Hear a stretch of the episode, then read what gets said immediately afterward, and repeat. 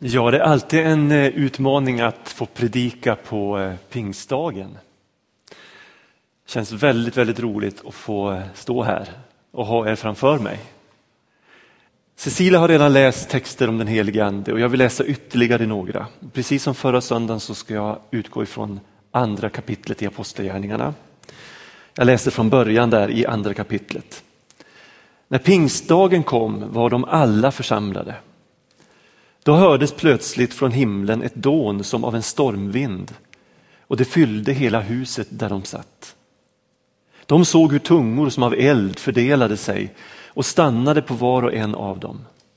Alla fylldes av helig ande och började tala andra tungomål med de ord som anden ingav dem. I Jerusalem bodde fromma judar från alla länder under himlen. När dånet göd samlades hela skaran och förvirringen blev stor när var och en hörde just sitt språk talas. Utom sig av förvåning sa de. Men är de inte galileer allesammans, dessa som talar? Hur kan då var och en av oss höra sitt eget modersmål talas? Vi är parter, meder, elamiter. Vi kommer från Mesopotamien, Judeen och Kappadokien. Från Pontos och Asien, från Frygien och Pamfylien från Egypten och trakten kring Kyren i Libyen. Vi har kommit hit från Rom, både judar och proselyter. Vi är kretensare och araber. Ändå hör vi dem tala på vårt eget språk om Guds stora gärningar. I sin häpnad visste ingen vad han skulle tro och de frågade varandra, vad betyder detta? Fortsättningen i det här kapitlet är att Petrus Eh, ställer sig inför alla dessa människor och förkunnar. Och så säger han bland annat så här i slutet av sin förkunnelse. Omvänd er och låt er döpas i Jesu Kristi namn. Så att ni får förlåtelse för era synder. Då får ni den helige ande som en gåva. Ty löftet gäller för er och era barn och alla dem långt borta som Herren, vår Gud, vill kalla.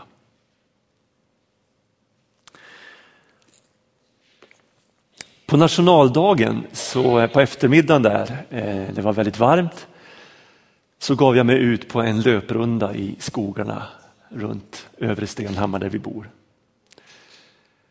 Skogar som jag har lärt känna ganska väl under de här åren. I minnet hade jag min förra löprunda på ungefär samma ställe och då hade det gått så lätt att springa. Eh, nu gick det så tungt. Det var som att benen var bly och, och, det gick verkligen tungt. Och jag hade sprungit ganska långt när, när jag plötsligt ser ett rådjur springa upp. Och Det här rådjuret sprang med så lätta steg. Och eh, skutten var säkert tre, tre och en halv meter långa. Det var en fröjd att se det här rådjuret springa genom skogen. Och då talade Gud till mig och Det var som att han sa så här att när den helige ande kommer in i en människas liv så gör det en reell skillnad. Det gör en skillnad. Och jag tänkte att mina tunga ben, skulle de kunna bli så där lätta? Skulle jag kunna få den förmågan att springa om man nu använder den här bilden? Och när jag, gick, eller när jag sprang där så, så kom jag att tänka på en annan sak. Jag har två drömmar som jag brukar drömma. I den ena drömmen så är det som att man sitter fast. Det är någon form av stressdröm gissar jag. Ofta är jag på väg till en gudstjänst. Och i, mitt, i, i drömmen så, så har gudstjänsten börjat och jag, på något sätt ser jag att den har börjat fast jag inte är där. För jag är inte där, jag är långt ifrån där. Jag, jag är inte färdig. Och, och, hur jag än anstränger mig så händer ingenting. Mötet börjar, mötet pågår, snart är det dags, jag ska predika. Jag är inte där, jag är inte färdig. Och, och Det är en väldigt, väldigt jobbig dröm och, och till slut är gudstjänsten slut och jag är fortfarande inte där. Fortfarande inte färdig. Och någonstans där brukar man väl vakna gissar jag. Men så har jag en annan dröm. Där jag upplever mig själv som nästan tyngdlös. Jag har en fullständig kontroll på min kropp, eh, jag kan, jag kan bestämma mig för nästa steg ska jag landa där borta. 40 meter bort. Och jag, jag tar ett steg, jag flyger fram. Jag kan bestämma precis när jag ska sätta ner fötterna. När jag ska, det, är nästan, ja, det är faktiskt nästan som att uppleva att flyga. En, en underbar känsla. När jag vaknar från den drömmen så är jag alltid lika lycklig. Och den där, de där tankarna omkring de här drömmarna kom också till mig när jag hade sett det här rådjuret och upplevt att Gud talade. Och skillnaden mellan de här två drömmarna blev så påtaglig för mig. Jag skulle vilja säga det att möta Gud, att bli fylld av den helige ande gör en rejäl skillnad i ditt och mitt liv. Nu ska vi se om vi får fram några bilder. Jag visade de här bilderna för några månader sedan men jag, jag tycker de är lite roliga. Ehm, en pastors uppgift är att få människor att utföra de uppgifter som de naturligt hade gjort om det inte hade funnits någon pastor. Ehm, jag kan ta nästa bild. Istället för att gå som katten kring het gröt vill jag känna mig som fisken i vattnet och pröva mina egna vingar. Jag är så rädd att, bli en, eh, att förbli en upptäckt oförmåga att jag hellre fortsätter med att vara en oupptäckt förmåga. Okej, okay, jag är en gåva, men vad händer om ingen vill ta emot mig? Den där bilden kan ligga kvar en stund. Jag tror att det finns eh, en stor fiende när det handlar om vår möjlighet att ta emot det Gud vill ge oss. Det är rädsla. Jag tror att rädsla är en av de största fienderna till livet överhuvudtaget. Det är en, en stor fiende till att växa som människa. Det är en stor fiende till att växa i sin tjänst. Därför att det är lätt att man hamnar i den här situationen. Okej okay, Gud, jag är en gåva, men vad, vad händer om ingen vill ta emot mig? Och så tar vi inte nästa steg. Därför att vi inte vågar. Vi är rädda för att misslyckas. Vi är rädda för vad som ska hända. Pingstdagen som vi läste om var en historisk dag. Vi läser om hur lärjungarna, precis som Jesus hade sagt, blev utrustade genom den helige ande. Det vill säga den helige andes hjälp kom till församlingen. Syftet var solklart, världen skulle vinnas. Johannes döparen hade sagt så här, Jesus ska döpa er med helig ande och med eld. Och när Jesus själv talar i det första kapitlet i Apostlagärningarna så säger han, ni ska bli döpta med helig ande om bara några dagar. Och lite längre fram säger han, ni ska få kraft när den helige ande kommer över er. I det här kapitlet och i den här texten vi läste, det stod det att de fylldes av helig ande. Några olika ord som används för den här upplevelsen av ett gudsmöte. Döpt, översköljd, styrkt, uppfylld. Det är de ord som står oss till buds för att förklara det lärjungarna upplevde och det vi kan få uppleva. När vi blir frälsta så föder anden oss på nytt. När vi blir döpta eller översköljda eller uppfyllda så utrustar anden oss för tjänst. Och då vet inte jag hur du tänker. Eh, om man ska bygga ett hus så behöver man verktyg. Eh, man behöver olika, många olika verktyg. Och ibland kanske vi tänker att den helige ande är de där verktygen som Gud på något sätt förser oss med, som vi kan ta i våra händer och använda oss av. Jag tror säkert att Gud kan inspirera oss på det sättet, men jag tror att det är att tänka helt fel när det gäller den helige ande som vår hjälpare. Jag tror nämligen att det är så här, för att kunna bygga ett hus så behöver jag vara en duktig byggmästare. Och när den helige ande kommer över mig så gör han någonting med mig.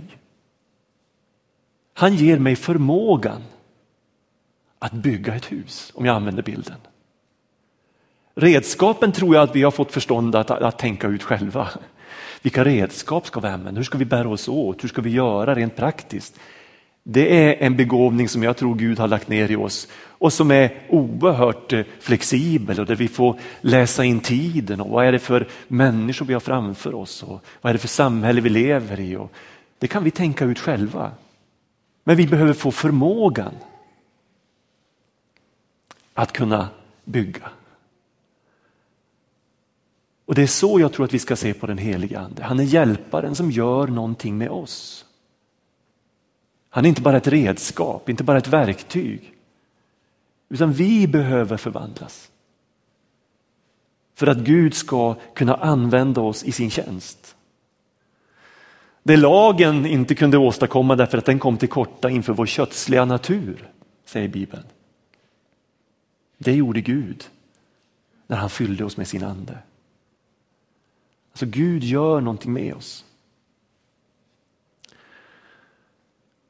Och den som tror sig kunna tjäna Gud utan att vara villig att låta sig formas av Gud och förändras av Gud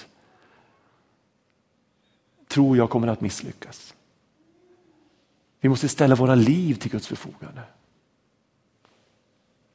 Att läsa Apostlagärningarna är en stark upplevelse, att bli påmind om att kristendomen fungerar. Och det finns bara en förklaring till det och det är den helige ande. Kanske borde apostlagärningarna heta den helige andes gärningar genom församlingen istället för apostlarnas gärningar. Den helige andes gärningar genom de bristfälliga, enkla, vanliga människorna som apostlarna faktiskt var. Den helige ande spelar en absolut dominerande roll i apostlagärningarna. Han nämns många, många gånger. Ehm, och någon har sagt så här, man kan ha en tro som är sann utan att vara döpt i anden, men man kan inte ha en tro som fungerar utan hjälparen, den helige ande. Skulle Jesus annars ha sagt till lärjungarna, ni får inte lämna Jerusalem förrän den helige ande har kommit över er. Han vill inte skicka ut dem i ett enda stort misslyckande. Han insåg att de behöver anden för att kunna utföra uppdraget. Vi behöver också anden för att kunna utföra uppdraget. Utan anden blir Bibeln en stum bok. Jesus stannar i historien. Missionen blir propaganda och församlingen en intresseförening. Så är det någon annan som har sagt. Vi ska titta på några enkla sanningar utifrån de här texterna jag har läst. Och den första sanningen är att utrustningen det Gud ger oss genom den heliga ande är en gåva. Petrus sa, omvänd er och låt er döpas så ska ni få den heliga ande som en gåva. Den heliga ande är alltså inte en belöning. Vi behöver inte bli andliga, vi behöver inte bli helgade för att få anden. Vi behöver inte kämpa eller anstränga oss eller ropa eller skrika. Jag vet att det finns många som har kämpat, kanske länge, eh, många år, för att på något sätt få tag på detta med den helige Ande. Jag tillhörde själv en av dem som under många år i mina övre tonår längtade efter anden och jag på något sätt eh, så stängde jag eller låste mig eller på något sätt eh, dröjde det innan jag kunde ta emot. Innan jag kunde släppa taget och släppa kontrollen och överlåta mig åt Gud. Ju mindre vi krånglar till det, desto mindre hindrar vi anden. Jag tror att det enklaste sättet att tala om det här är att tala om överlåtelse och tillit. Eller att använda det här som, som Cecilia läste. Eh, den som tror på mig, säger Jesus. Från hans innersta ska strömmar av liv flyta fram. Det sa han om anden som det som trodde på honom skulle få. Eller andra bilder, den som hungrar och törstar efter liv. Det är på något sätt i vårt beroende, i vår, vår, vår längtan, i vår hunger och törst som mötesplatsen finns mellan himmel och jord. Inte i vår duktighet, inte i våra prestationer, utan i vårt beroende.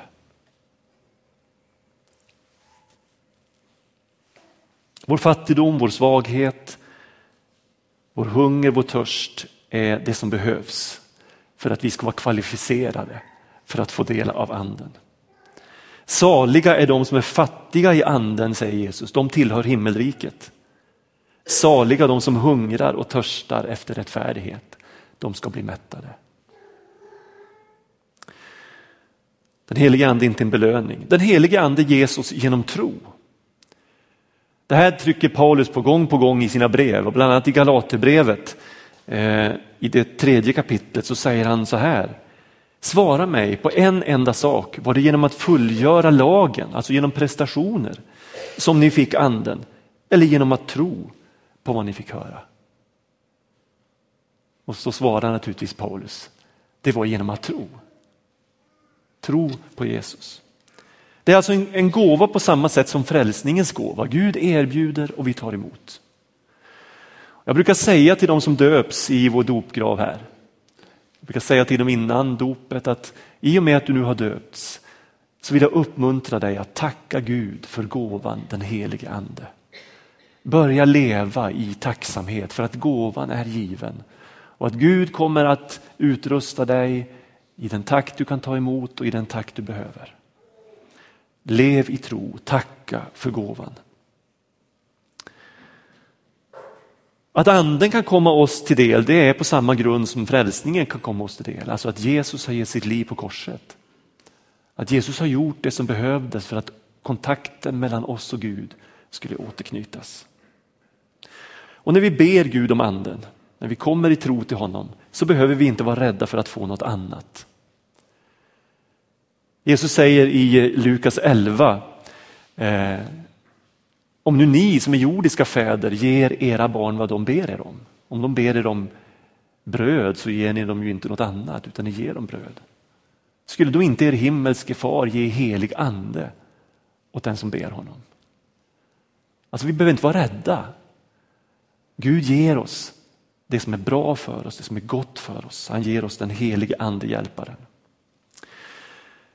Det är alltså inte en belöning utan det är Jesus genom tro och den helige ande är en gåva som behöver vårdas. Att bli döpt, att bli översköljd, att bli uppfylld av anden, om vi nu använder de här orden som Nya Testamentet använder, är början på ett samarbete med anden. Och jag tror att vi dagligen, observera dagligen, behöver leva i det här beroendet. Vi behöver dagligen be helige ande. Uppfyll mitt liv. Kom över mig idag. Gör någonting med mig idag så att jag kan tjäna dig. Den helige ande är en person som kan bedrövas, säger Paulus. Eh, vi kan läsa de raderna i Efesierbrevet 4. Gör inte Guds helige ande bedrövad. Den är sigillet som utlovar frihetens dag åt er. Och så kommer en väldigt praktisk undervisning om hur vi undviker att bedröva anden. Gör er av med all elakhet, med vrede och häftighet, med skymford och förolämpningar och all annan ondska. Var goda mot varandra.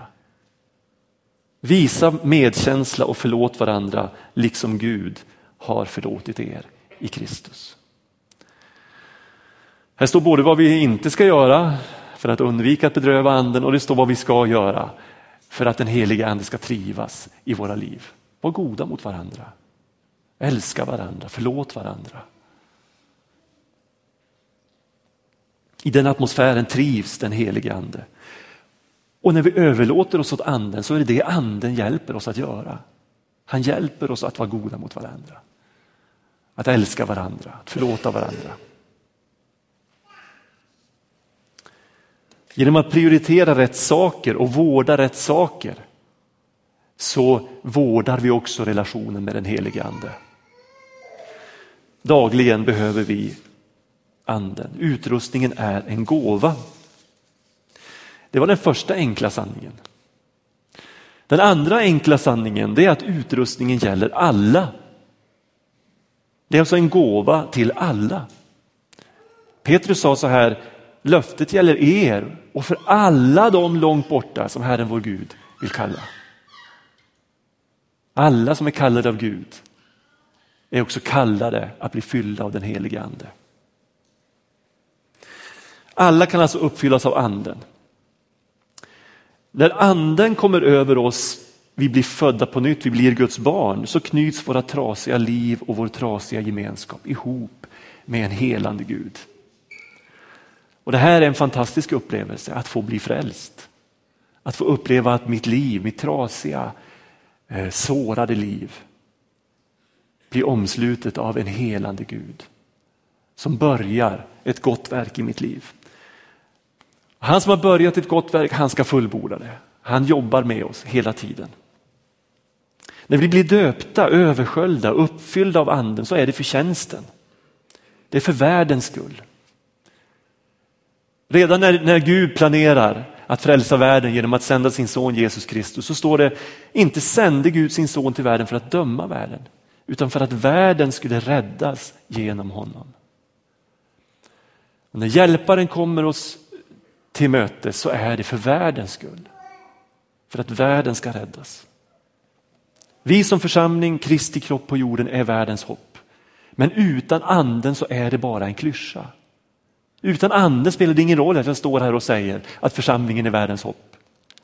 Utan det är bara att när anden fyller församlingen som vi blir världens hopp. Anden måste få tag på oss. Anden måste få inflytande över oss. Vi måste räkna med anden i våra liv.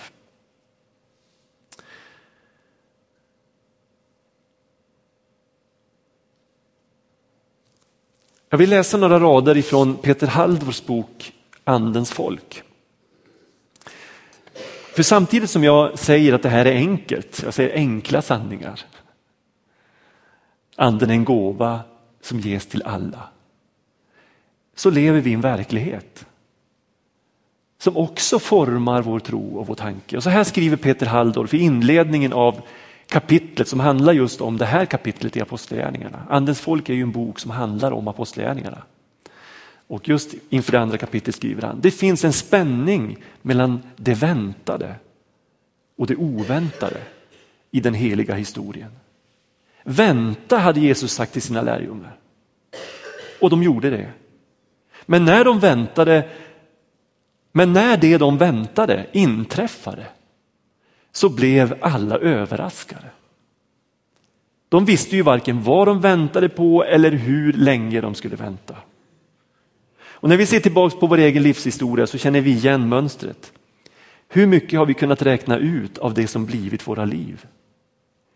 I efterhand kan vi möjligen se hur Guds schema vecklat ut sig med exakt precision. Vi kan inte rycka till oss framtiden. Vi kan inte beordra fram det vi väntar på. Vi kan inte rycka till oss eh, framtiden. Det ges när tiden är inne.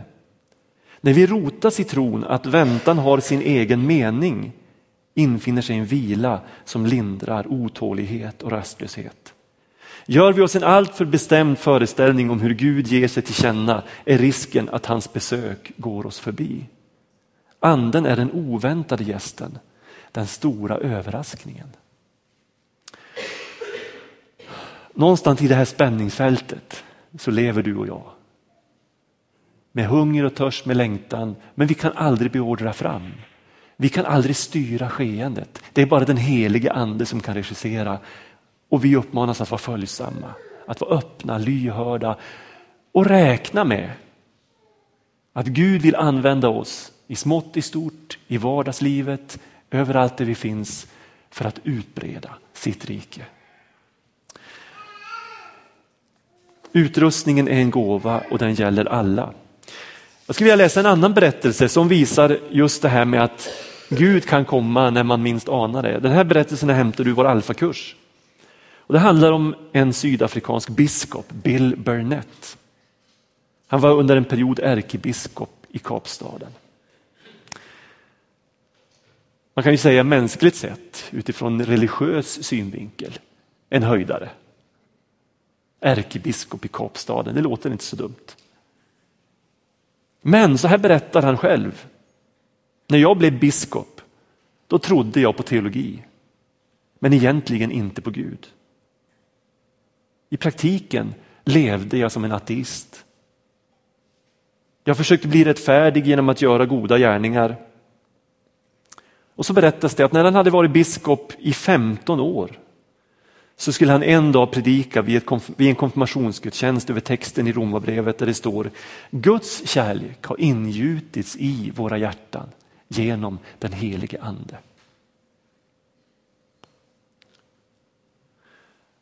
När han kom hem efter gudstjänsten och satte sig med en rejäl drink för att läsa tidningen så upplevde han att den herre som han egentligen inte räknade med började tala till honom.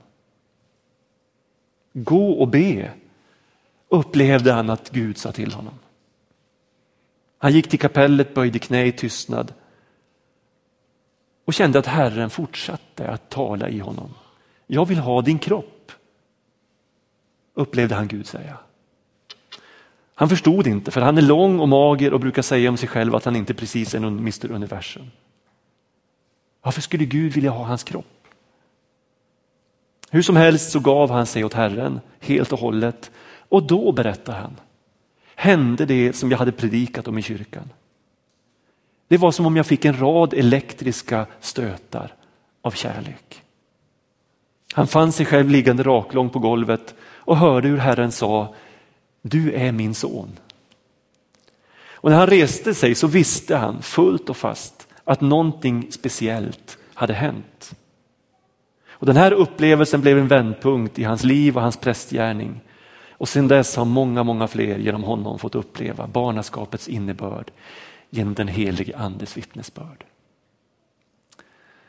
Jag tycker den här berättelsen är trösterik och den är, den är uppmuntrande att Gud kan överraska också den människa som kanske bara är en teoretiker på trons väg. Men på något sätt är Gud större och Gud kan drabba oss när vi behöver det. Utrustningen är en gåva, den gäller alla. Och till sist, utrustningen är till för världen. När den helige ande kommer över er, sa Jesus, så ska ni få kraft och bli mina vittnen. I Jerusalem, i Samarien, till jordens yttersta gräns. Det första vi ser är att anden gjorde lärjungarna frimodiga och utåtriktade. Eh,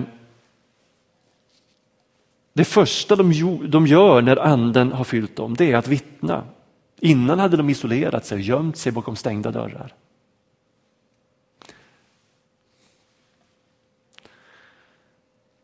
Genom hela apostlagärningarna är, det, är lärjungarna sen upptagna med att nå längre och längre och nå ut till fler. Och vi ser hur den helige ande personligen ligger bakom varje framryckning av evangeliet i apostlagärningarna. När Filippos möter hovmannen så är det anden som leder honom fram till vagnen och det är anden som leder honom i samtalet med hovmannen. Och hovmannen återvänder efter att ha låtit döpa sig till Etiopien. Och många menar att den här mannen ligger till grund för en av de äldsta kyrkorna som finns i världen idag, den koptiska kyrkan.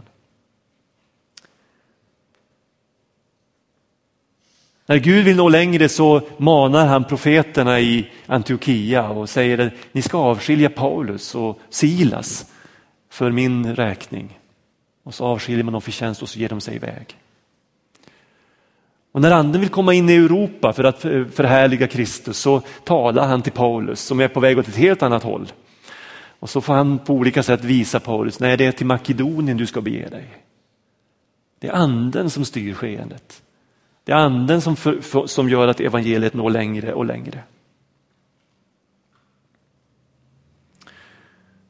Den helige andes största längtan är att förhärliga Jesus för dem som inte ännu har förstått vem han är. Och vill du samarbeta med anden så dela hans passion. Nämligen att Jesus ska bli känd. Att Jesus ska bli stor, efterföljd. Ju mer inflytande den helige ande får över våra liv, desto mer kommer vi att vara fokuserade på att ta Jesus till våra medmänniskor. Och våra medmänniskor till Jesus.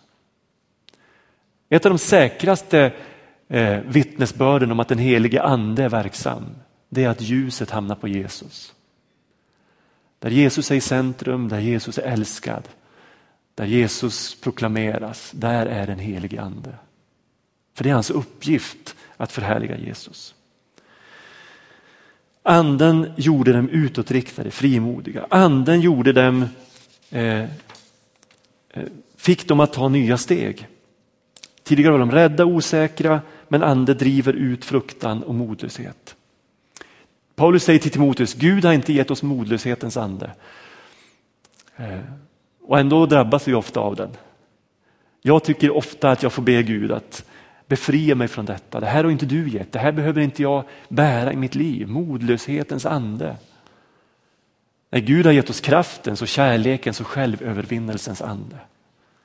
Och den kan vi få leva i.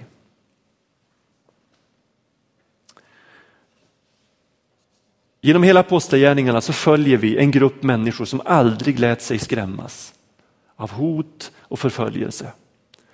Och vi läser att deras frimodighet fick motståndarna att häpna, att bli svarslösa. Paulus säger på ett ställe, de vapen jag brukar i min kamp hör inte denna världen till, utan får kraft från Gud att bryta ner starka fästen. Anden gjorde dem utåtriktade och frimodiga och anden gjorde deras vittnesbörd övertygande. Evangelisten, eh, evangelisation utan den helige ande blir propaganda, sa jag i inledningen. Men med hjälparen den helige ande kan det bli som vi läste här i, i eh, eh, förra söndagen, i fortsättningen på kapitel 2. Herren lät var dag nya människor bli frälsta och förena sig med dem. Gud har initiativet. Vi kan få vara följsamma. Vårt uppdrag är att fortsätta där Jesus slutade när han gick här på jorden. Fortsätta Jesu verk genom att vara Kristi kropp på jorden. Uppfyllda av den helige ande. Lyhörda för Guds tilltal, följsamma med den helige andes initiativ. I tro på att det är så Gud vill ha det. Han vill använda oss. Jesus vill vara närvarande i oss genom sin ande. Fortsätta verket genom oss. Ska vi be.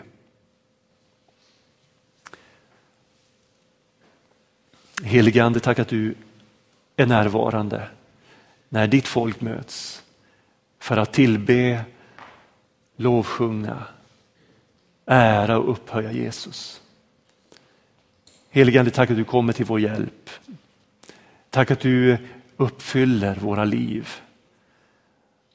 Tack att våra kroppar får vara tempel åt dig Gud. Jag ber här att den här stunden nu när vi ska komma inför dig i bön och lovsång ska få bli ett sådant tillfälle när himmel och jord möts. När vi på något sätt kapitulerar inför dig, du den högste, den helige. Bara låter oss fyllas av ditt liv. Inte som vi vill, inte som vi har förväntat oss, utan som du vill.